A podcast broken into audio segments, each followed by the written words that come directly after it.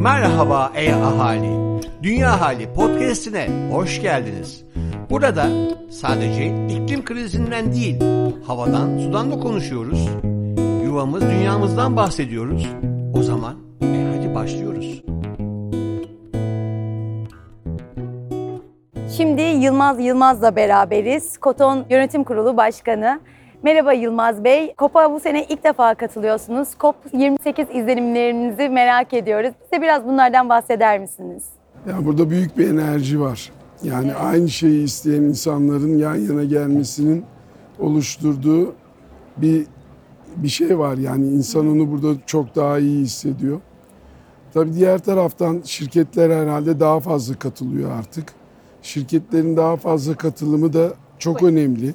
Çünkü şirketlerin daha fazla katılımı aynı zamanda her şirketin etki alanının da çarpanlar olarak bu sisteme dahil olması demek. Mesela biz kendimizden bahsedeyim. Her yıl mağazalara 300 milyon insan giriyor. Bu 300 milyon insana biz sürdürülebilirlikle ilgili doğru mesajları verebilirsek, bunları onların kafasında bir yer edinmesini sağlayabilirsek, düşünün ne kadar büyük bir etki yaratmış oluruz. Bunu e, buradaki diğer şirketlerin etkisiyle çarptığınızda ortaya bir şey çıkıyor.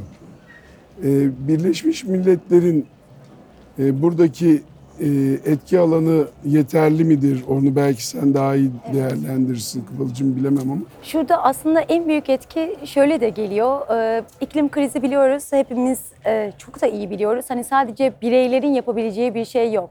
En büyük etki aslında hükümetlerin ve özel sektörün yapması gerekiyor.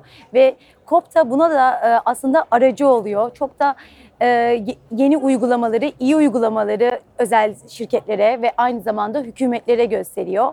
Sizler de e, bu e, panellerden sanırım faydalanıyorsunuzdur. Tabii tabii.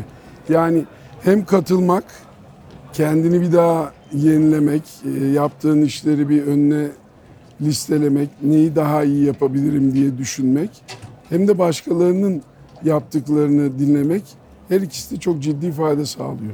Kesinlikle. Çok teşekkürler Yılmaz Bey. İyi ki katıldınız.